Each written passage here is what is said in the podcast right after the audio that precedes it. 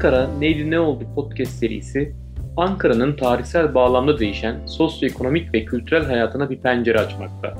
Ben Teyzi Can Gürüz.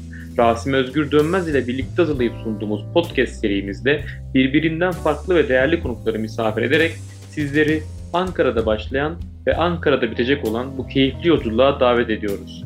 Keyifli dinlemeler dileriz.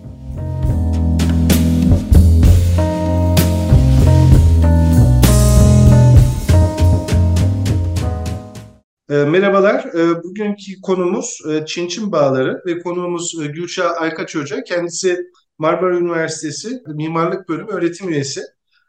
Kendisinin doktora konusu e, Çinçin Bağları konusu e, ve Çinçin Bağları konusu bizim için oldukça önemli bir konu. Çünkü iki nedenden dolayı önemli bir konu. Bir, birincisi Çinçin Bağları aslında baktığınız zaman bulunduğu yani zengin bir bölgede bulunmasına rağmen Ankara'da bir dönem Ankara'nın e, tekinsiz bir mekanını imgelemekteydi. E, öbür yandan da e, daha sonraki süreçlerde e, gece konudan e, kentsel dönüşüme doğru bir adım attı ki bu her iki konuda aslında bizim önceki haftalarda yaptığımız e, Tarih Erman Hoca ile yaptığımız bu gece konudan toplu konutları geçiş e, süreci anlamında bir e, ne diyelim bir örnek olarak almak istedik. E, bu anlamda da bu işin bize kalırsa en güzel işlemiş uzmanlarından bir tanesi Gülşah Hoca ile konuşmak istiyoruz. Hoş geldiniz hocam. Merhabalar, hoş bulduk. Çok teşekkürler davet için. Ee, çok takip ettiğim bir podcast serisi konu olmaktan mutluluk duyuyorum. E, hocam ben e, şöyle ilk soruyla başlayayım. Biraz Çin Çin bağların tarihinden bahsedebilir misiniz? E, burası niye önemli oldu? Tarihsel anlamda nasıl bir gelişim yaşadı? Biraz onlardan bahsederseniz sevinirim. E, tabii ki Gecekondu literatüründe çok aşina olduğumuz bir e, kitap var. Tansu Şen Yapılı'nın e, kitabı. Gecekondu e, Çevre İşçilerin Mekanı kitabın ismi. E, bulabildiğim en e, geri zamanlı kaynak aslında bu kitaptaydı. 1920'li yıllarda İran'dan gelen e, Roman komünitelerin bu bölgeyi e, işgal ettiği yazıyordu. Daha sonra Türkiye'deki İranlar aslında e, buraya göç ediyorlar ve kentleşmeyle birlikte Altındağ, eski Altındağ dediğimiz bölgenin tümü e, çok yoğun bir gece kondu dokusuna kavuşuyor 1940'lı yılların sonundan itibaren. E, bu dokuyu kazanırken de ağırlıklı olarak e, yine kentleşme dediğimiz dönemin niteliklerine bakarak aslında e, kırsal alandan e, büyük şehirlere göçle birlikte şekilleniyor. En geçmiş zamanlı kaynak bize yani Çinçin'in İran'dan gelen e, romanlarla bağını gösteriyor. Bu arada benim e, doktora sırasında bir e, İran'dan gelen, e, ODTÜ'de çok kıymetli İran'dan öğrencilerle yollarımız kesişti. Arkadaşım oldu Ali Rat. E, o, onunla sohbet ederken zaten Çingene kelimesinin kökeninin yani Çin'in e, düzensiz anlamına geldiğini öğrenmiştim. Sonra Çinçin'in de kıvrımlı yüzey olduğu anlamını öğrenmiştim. Bu aslında çok e, Çin Çin bağları kelimesiyle ve bu alanın topografyasıyla uyuşuyor bir şekilde. Beni çok şaşırtmıştı. Gülşah Hocam şöyle bir şey sormak istiyorum. Siz de az önce bahsettiğiniz 40'lı yıllardan itibaren bir Çin Çin bölgesinde e, gece kondulaşma söz konusu. Bu süreçte günümüze kadar e, 80'lere, 90'lara ve devamlı 2000'lere kadar süre geldi. Peki bu gece kondulaşma sürecinde Çin Çin'deki sosyoekonomik yapı nasıldı? Yani burada yaşayan insanların sosyoekonomik özellikleri nasıldı, neler yaparlardı, şehrin çeperinde bir öteki havuzu mu oluşturdular? Kısaca bundan bahseder misiniz acaba? Ee, Bent Deresi Vadisi var biliyorsunuz bu alanda. Kaleden kuzeye doğru baktığımızda aslında bu vadi iki, iki e, alanı ayrılıyor gibi. Bir tanesi tarihi Ankara kent merkezi. Bir tanesi de aslında eski Altındağ dediğimiz bölge ve Çinçin bu bölgenin içerisinde yer alıyor. Bu bölgeye de tarihi kent çeperi diyebiliriz. Çünkü ilk kentleşmenin gerçekleştiği bölge bu bölge. Ben ilk kez 2014 yılında kaleden e, bu bölgeyi seyrederken buldum kendimi. Çok ilginç gelmişti çünkü arkeolojik bir alana dönüşmeye başlamış gibiydi. Yani topografik olarak çok dramatik bir eğim karşılıyor bizi kaleden bakarken ama bu eğimin üzerinde pek çok moloz var ve gitgide e, dönüşüyor. E, böyle gül veren e, tarafında da Tokilere dönüşüyor o, o yapı. E, çok şaşırmıştım e, ve ilk kez merakım böyle oluşmuştu. 1940 e, geç 1940'lı yıllardan 1980'e kadar olan e, süreçte genelde böyle kavramsallaştırılıyor. Gece kondulaşma dediğimiz süreçte burası söylediğim gibi Hıdırlıktepe, Yeni Doğantepe ve Çinçin bölgesi aslında çok yoğun bir e, gece kondu alanına dönüşüyor. Daha sonra da Altındağ ilçe olarak ilan edildikten sonra e, gitgide ilçe sınırları büyüyor ve Hıdırlıktepe ve Çinçin'in olduğu alan eski Altındağ bölgesi olarak adlandırılıyor. Burada birkaç yanılsama var. Hemen onları not etmek istiyorum. Mesela bir tane yanılsama Çinçin'in Gültepe Mahallesi oldu. Oysa Çinçin bir semt ismi aslında ve pek çok mahalleden oluşuyor. E, tabii belediyeler kanunun değişti. Özellikle 2012 ve 2015 yıllarında pek çok değişiklik oldu. Bu idari değişikliklerle birlikte Çinçin'in Çinçin dediğimiz yeri e, yeri tanımlayan mahallelerde aslında teker teker kayboldu ve bugün hakikaten o bölge Gültepe Mahallesi. E, fakat 2014-2012 gibi yıllarda, 2000'li yıllarda aslında içinde pek çok mahalle bulunuyor. Örneğin Çalışkanlar Mahallesi, e, Server Somuncuoğlu Mahallesi, Özgürlük Mahallesi. Böyle pek çok mahalle bulunuyor ve bu mahallelerin e, her biri de kendi dinamiklerini barındırıyor. Aynı şekilde Çinçin'in komşusu olan ve Altındağ Caddesi tarafından çevre, çevrelenmiş olan Hıdırlıktepe örneğin. Onun da kendi içinde dinamikleri var. Yeni Doğan Tepe Camii'nin bulunduğu Yeni Doğan Tepe, onun da kendi içinde dinamikleri var. E, şimdi bu yanılsamaların bir nedeni gecekondu bölgelerinin halk içindeki isimleriyle idari isimleri aslında hiçbir zaman birbirini tutmuyor. Buradan şöyle bir bilgiyi e, gönürle, görünürleştirmek lazım. Çinçin bağları resmi olarak hiçbir evrakta bulunmuyor. Yani bir yerin resmi olarak idari ismi değil. Dolayısıyla e, bulabileceğimiz tek şey aslında halkın sözlü beyanları ve bir takım kitaplar.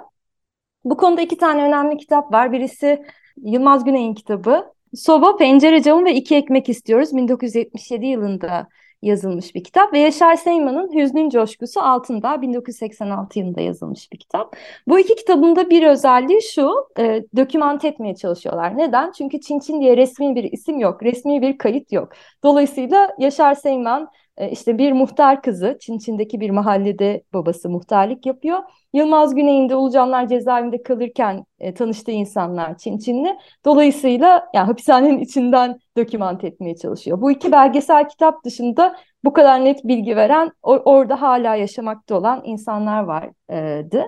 E, ben sahadan bilginin çoğunluğunu böyle topladım aslında. Yani hala orada yaşamakta olan ve 1970'li yıllarda 80'li yıllarda göç etmiş birinci ya da ikinci kuşak e, göçmenlerden bu bilgiyi topladım.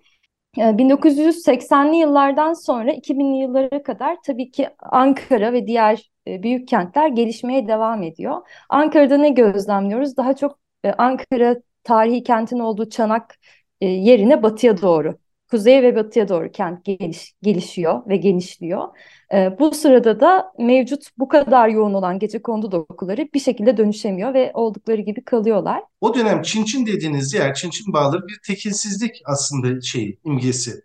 Ve e, bu imgenin de tekinsiz olması yalan değil yani altı boşta bir şey de değil. E, çünkü e, bunu gerektirecek de bir, bir sürü bir şey var. Ama biz o araştırmaya girdiğimizde şunu gördük ki orada bu tekinsizliğin dışında aslında bir evren var. Ve bu evren orada yaşayanlar için aslında tekinsiz bir yer değil. Yani insanlar orada çok güzel bir şekilde gündelik hayatlarının bir devinimde sürdürüyorlardı. Ha bu devinim dediğimiz şey bazı zamanlarda biz sıradan insanlar için anormal e, bazı yönleri vardı. Mesela birçok kişi sabıkalıydı veya ne bileyim yani polis karakoluna girmeyen birisine do düzgün vatandaş olarak görmüyorlardı ama çok ciddi anlamda bir şey vardı. Bir atmosfer vardı, bir mahalle havası vardı. Biraz buralardan bahseder misiniz? Yani siz o ne, neleri gözlemlediniz gündelik hayatta ilgili o dönemlerle bağlantılı olarak? Tabii ben 2018 ve 2019 yılında aslında daha çok sahada bulundum ve e, sahayla daha öncesinde hiçbir bağlantım olmamıştı. Yani tamamen dışarıdan ve kadın bir araştırmacı olarak aslında sahaya girdim.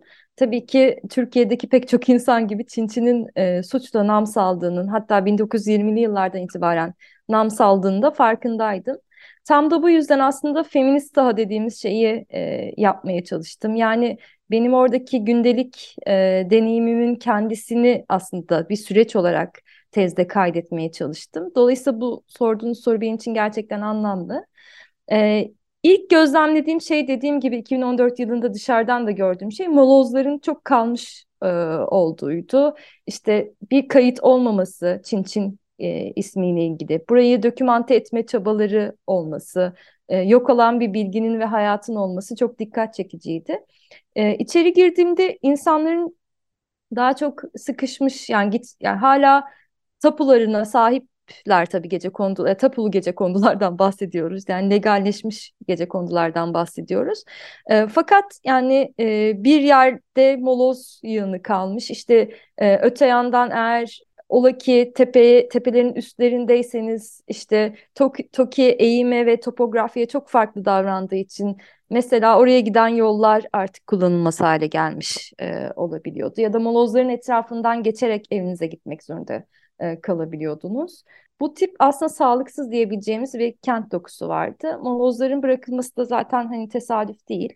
E, biraz kalanların da oradan gitmesi için de bir yöntem gibi okudum ben anlamlandırmıştım. Ee, insanlarla konuşmaya başladığımda ya kiracılardı gece kondularda yani en kırılgan kesim mülk sahibi de değil ya da yani TOKİ'lerle anlaşma bir şekilde yapamamış olanlardı. Çünkü e, toplu konut işletmesiyle ya da müteahhitle anlaşma yapmak böylesi sık bir dokuda çok zor. E, birkaç ev birleşerek bunu yapmak zorundasınız. Çok gerift bir yapısı var çünkü. Yeterli taban alanını sağlamak için yeni yapılacak olan konut için. Ya da e, yani Çin Çin öyle bir bölgesinde değilsinizdir. E, ve hani giderek artık buradan uzaklaşmak zorunda kalan bir popülasyonla karşı karşıyaydım. Fakat örneğin bu Çin Çin ismine duyulan sevgi benim için çok etkileyiciydi. Büyük bir kısım belki bunu bir etiketleme aracı olarak kullanıyor. Çin Çinli olmak vesaire. Ama gerçekten kıvrımlı yüzey yani çok fazla bilgi sağlayan bir sahaydı. Bilgi saklayan bir sahaydı. Ee, ve gerçekten de e, insanların sevgi duyduğu bir kelime ve semt olduğunu söyleyebilirim Çin Çin'in. Ben bir şey söyleyeyim. Yani aslında bu dediğim kişiler e, Erzurum'dan Ankara Kaleci'ye göç ediyorlar. Sonra işte Ankara'ya geliyorlar. Önemli bir ne diyeyim iş adamıydı. İsim vermek istemiyorum şimdi. Ankara'nın en güçlü iş adamlarından bir tanesiydi. Ee, şimdi bunu dinleyenler kim olduğunu bileceklerdir yüksek ihtimalle. Adam oradan rahmetli hiç şey yapmadı, çıkmadı. Şeker hastasıydı ve çok ilginçtir yani şeker hastası oldu da e, yaşlılık zamanlarında. Çıkmadı. İstediği yer şey vardı. Bir sürü binası vardı Eskişehir yolu üzerinde. Hep orada kalırdı mesela. Yani oranın ilginç bir atmosferi vardı. Aslında bu gece konularının ilginç bir atmosferi oluyor. Bu İstanbul'da falan ki bazı çalışmalarda falan da ben biliyorum. Mesela kişi çok zenginleşse de e, başka bir tarafa doğru gitmiyor. Bu da öyle birisiydi. Yani şey e, evet yani bir tekinsizlik hikayesi var. Bunun altyapısı var. Sosyoekonomik altyapısı var ama yani içine girdiğiniz zaman gerçekten çok dostlukların falan da fazla olduğu bir yerdir. Bir şey daha soracağım Gülşah Hocam. O göçle ilgili e, or, oraya yani Çin Çin ve göçle ilgili söyleyecekleriniz var mı acaba? Ee, çok farklı zamanlarda farklı göçler almış olduğu bilgisini e, edinmiştim sahada. E, işte 80 ve 90'larda başka bir göç alıyor. E, 40'larla 80'ler arasında başka bir göç e, alıyor. Romanlar her zaman mevcut. İşte Haymanalılar mesela çok fazlaydı. Ben bir gece kondu da e, gece kondu avlusunda bir gelin eğlencesi dedikleri bir eğlenceye katıldım. E, her yaştan kadının olduğu bir eğlenceydi. Yani benim yaşımda 35-40 yaş bandında da insanlar vardı. E, lise çağında da e, genç kadınlar vardı. E, bayağı yaşlı insanlar da vardı. İki dil duydum. E, Türkçe ve Kürtçe ve yani çok farklı e, bakış açıları gördüm. Aynı yerdelerdi aynı aileye ait e, insanlardı. Çok etkilenmiştim bundan. Böyle hatta birbirlerinin işte tuttukları partileri laf ediyorlar, böyle gülüyorlar falan böyle inanılmaz bir açıklık e, var gibi gelmişti. Çünkü o farklı zamanlar, farklı siyasi durumlar vesaire yani hepsinin bambaşka bir bakış açısı, gelişmiş aslında. E, göç e, olarak herhalde en e, net net şekilde söyleyebileceğimiz e, bir dokuyu kaybetmiş. Yani Yaşar Seyman ve Yılmaz Güney de aslında biraz buna değiniyor. Yani sadece işte belli bir etnik grup ya da e, dini grup diyebileceğimiz bir şey kalmamış ama hepsi Çin Çinli kimliği e, altında birleşmişler. Bu çok önemli bir detay. Ve gerçekten de e, insanların Çin Çinli kimliğini e, çok sıkı sıkıya tuttuklarını e, gördüm.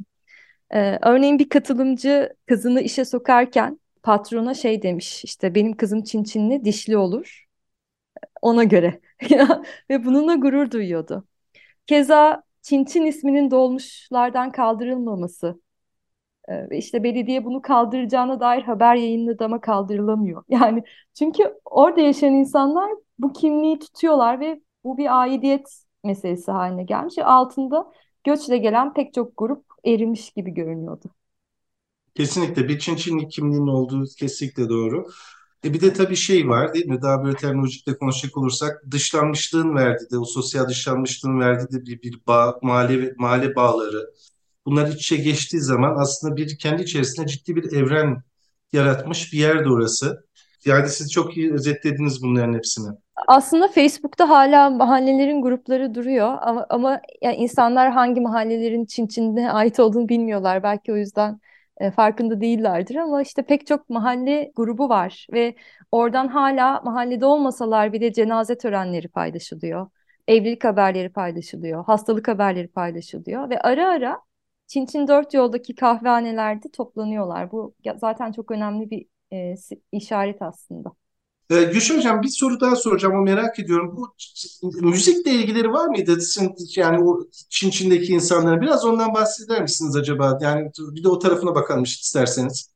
Evet vardı. Ee, müzisyen Neşet Ertaş Çin Çinli. Evet. e, şöyle e, Hacettepe'de bir sokak vardır.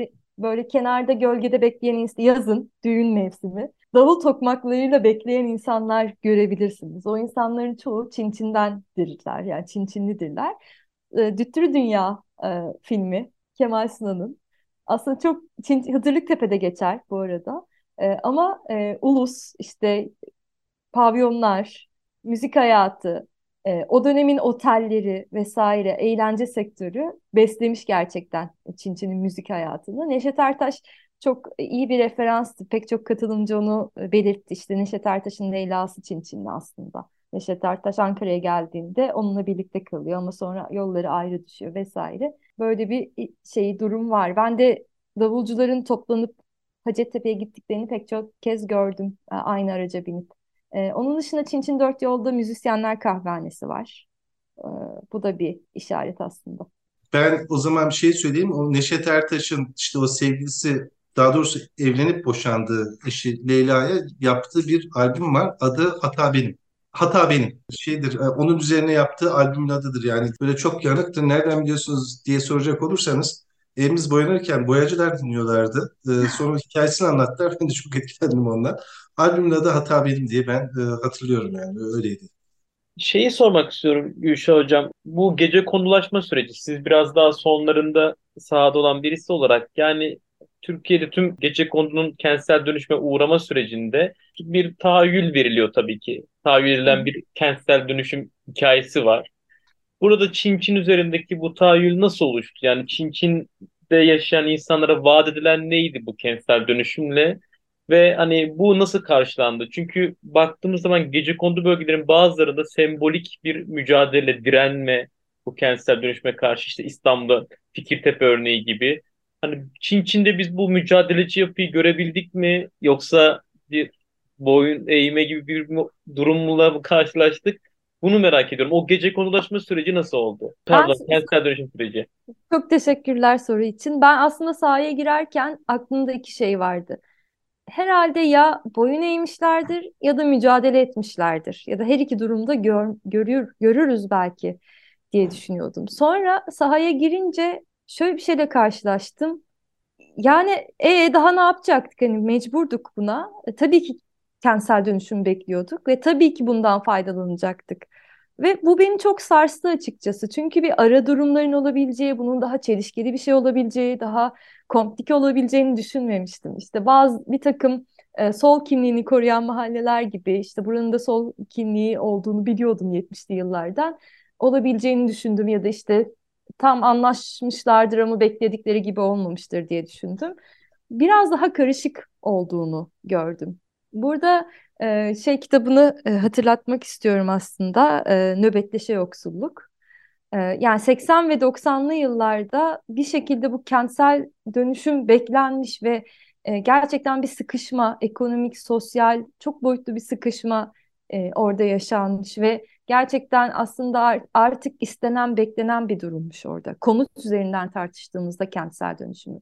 Tarık Şengün'ün bu konuyla ilgili çok güzel bir sözü var. Başka oyun vardı da biz mi oynamadık? Yani bakınca şimdi bir orta orta sınıf olarak benim annem de bir dönem hayatında ev edindi ve işte onun mülk değeri arttı ve sevindi. Yani hani benim yaş grubunun aileleri hep para biriktirdi. Biz yapamayacağız o ayrı konu ama işte bir konut elde edebilmek için onu da böyle düşük çeperde bir yerden alıp gelecekte kentin oraya doğru gelişeceğini. Aslında bunların hepsi aynı aynı oyun. E, ve dolayısıyla çok şaşırtıcı değil orada kentsel dönüşümün beklenmesi, artık o sıkışmışlıktan çıkmak istemek. Ben muhtarlarla görüştüm. Hatta işte e, doktor test çalışmamın çok önemli bir kısmı da muhtarlar, eski muhtarlar. Daha da eski muhtarlar gibi bir zincirleme e, muhtar görüşmeleri yaptım. Muhtarların hepsi kendilerini solcu olarak mesela nitelendirdiler ve işte e, ne kadar solcu aktivist e, tarafları olduğunu, nasıl çalışmalar yaptıklarını, e, nasıl sosyal fa faaliyetlerde bulunduklarını anlattılar. E, ama biz solcuyuz, hala da solcuyuz. Ama çok yani yoksulluktan çok çektik ve tabii ki kentsel dönüşümü bekliyorduk ve istiyorduk dediler. E, dolayısıyla bu çok katmanlı, çok çelişkili bir durum. Fakat kentsel dönüşümde Özlem Güzey'in e, böyle bir çalışması var. Vaat edilenlerin çoğu zaten yani gerçekleşemiyor maalesef. Yani nedir vaat edilen? İşte burada mülk sahibi insanların çoğunun TOKİ'lerde mülk sahibi olacağı. Ama bir borçlandırma sistemi var. İki, TOKİ'lere gittiklerinde aidat ödemek zorundalar. Bu iki koşulu sağlayabilmek için düzenli ve iyi bir gelirleri olması gerekiyor. E, bu yüzden ya bu anlaşmayı sağlayamıyorlar ve evlerini terk edip gidiyorlar ya da e, taşındıktan bir süre sonra TOKİ'lerini satıp ya da kiraya verip oradan çıkmak, TOKİ'deki konutlarını oradan çıkmak zorunda kalıyorlar. İkinci vaat mahallenin prestijinin e, ve işte rant değerinin artacağı na dair. E, fakat çete durumları daha da kötüleşiyor. Hatta bur buranın çok yakında bir karakol kurulmasına ve e, hatta TOKİ'lerdeki işte konutların pek çoğunun aslında e, memurlara, e, polislere vesaire verilmesine rağmen e, aslında oradaki e, sosyal sınıfsal gerilim e, daha çok artıyor ve kontrol edilemez bir e, çete durumu, uyuşturucu çetelerinin işte bur burada artık daha görünürleşmesi, daha çok faaliyette bulunması söz konusu oluyor. Özellikle de o sağlıksız kent dokusunda gerçekten e, işte e, daha gizil, daha e, sorunlu durumlar oluşuyor. Dolayısıyla her iki vaatte gerçekleşememiş oluyor. Yani mülk sahiplerinin çoğunun yeni bir dairesi olamıyor maalesef. Ee, yani iktidar partisinin e, ilişkileri yani ilişkisel anlamda onlar da çok yakınlardı diye ben hatırlıyorum. Yani de çok iyi ilişki kurmuşlardı. O yani o dönemin özellikle Ankara Büyükşehir Belediye Başkanı'ndan e, çok yani e, stajla bahsediyorlardı. Yani iktidar partisinin politikacılarıyla iç içeydilerdi diye ben hatırlıyorum. Yani evet hala öyle olabilir. Bilemiyorum. E, ama evet öyle bir e, ortak zemin aslında kentsel e, dönüşüm orada. E, yani beklenen durum e, ondan faydalanabilmek. Aslında artık sıra bizde. Biz de bundan faydalanacağız e, durumuna gelmiş. Yani çok azı bu arada Babür Caddesi'ne yakın kısmı 70'li yıllarda özellikle e, 3-4 katlı apartmanlara dönüşüyor Mamak'taki gibi. Fakat bu daha tepelik olan yerlerde ve daha girift olan e, yerlerde e, bir türlü o dönüşüm olamıyor. Yani aslında daha düz olan yerler burada ekonomik olarak biraz daha iyi insanların, iyi, daha iyi durumda olan insanların e, evlerinin bulunduğu yerler. Daha tepelik e, toprak kaymasından, selden vesaire daha çok etkilenecek olan yerlerde hem daha girift bir doku söz konusu hem de biraz daha gelir e, olarak daha kırılgan bir kesimin bulunduğunu söyleyebiliriz. E, özellikle e, onlar aslında kentsel dönüşümü beklemişler. Gülşah Hocam benim merak ettiğim şu andaki e, Çin eski sakinlerinin ne yaptığı, hayatlarından eskisi kadar mutlular mı? E, bunları merak ediyorum çünkü Tahir Hoca'yla da konuştuğumuzda şunu gördük ki bu e, ne diyelim bu toplu konutlar hikayesi aslında bu insanları e, bir e, hapis sürecine sokuyor. Çünkü o mali kültürü bir şekilde sizi özgür bırakıyor. O mahallenin kendi kültürel kodları var. Burada daha yalıtılmış bir şekilde yaşıyorsunuz. Siz ondan sonra takip ettiniz mi? Ne yapıyorlar şu anda? Yani bunları nerelerde görebiliriz? Yani biraz anlatır mısınız o konuyu da? Eski mülk sahipleri dediğimiz bir kesim var. Onların TOKİ'ler içinde binaları da belli aslında. Mesela hani TOKİ sitesinde e, atıyorum şu anda 10 tane blok varsa bunlardan 4'ü e, yan yana bir şekilde eski arsa sahiplerine ait oluyor. Ve işte benim görüşme yaptığım birkaç kişi dışarıdan bana işaret ederek zaten anlarsınız dedi ve işte balkon e, korkuluklarının daha farklı kullanıldığını, e, TOKİ'lerin çevresinde bir şey yetiştirdiklerini e, ve işte bir şekilde o e, çok yüksek katlı e, duruma geçtiklerinde eski e, alışkanlıklarını devam ettirmeye çalıştıklarını gördüm. Fakat herhalde burada çoklu durumlardan yine söz edebiliriz. Yani tek bir homojen cevap veremem herhalde. E, ama yine böyle TOKİ yönetiminde çalışan ve eskiden mülk sahibi olan e, bir katılımcı çok özlediğini, mutsuz olduğunu e, iletmişti. E, fakat burada bilmemiz gereken şey şu, 80 ve 90'lı yıllarda e, gece kondular giderek daha zor bir duruma e, düştüler. Ve zaten hayat o, oralarda iyice zorlaşmıştı. Yani 70'lerde daha mahalle dokusunun canlı olduğu, aktif oldukları, e, işte atıyorum spor kulüplerinin işler olduğu, gençlerin çok ortada olduğu bir durumdan 80-90-2000'lerin başında gençlerin artık burada kalmadığı, iş bulanın gittiği, başka mahallelere geçilen bir duruma zaten dönüşmüş. Yani o 2000'lerin başında aslında bir sıkışma var ve sanki gece konduların tarihini anlatırken katılımcılar 80 ve 90'lı yıllar yokmuş gibi konuştular. Yani orası bir boşluk. Yani bir geçmiş nostaljisi. Bu arada nostaljiyi ben çok önemsiyorum ve kesinlikle bunu küçümsemek için söylemiyorum nostaljik olanı ya da duygu olanı orada. Ama burada 80 ve 90'larda aslında asıl problemin şiştiğini söylemek belki mümkün. Yani 2014'te bir dönüşüm, çok büyük bir müdahale yapıldı ve ondan sonra her şey bozulduğu gibi bir hikaye yok. Burada daha iç içe geçen sürekli bir tarihten söz edebiliriz. Hocam genelde Sincan'a mı taşındılar? Daha somut olarak e, Sincan'a taşındılar diye biliyorum ben e, Kara, birçoğunu. Karapürçek, Karapürçek Kar- e, evet. ve Aha. Sincan'ın daha ileri yerleri. E, ben Karapürçek'e biraz yak- yakın bakmaya başladım. Yakından bakmaya çalışmıştım. Ve gerçekten orada Çinçin'e benzer bir doku oluşmaya başlamış. Sincan'ı daha yakından e, gö- gözlemleyemedim ama e, çok uzak noktalara aslında taşın taşınabildiler.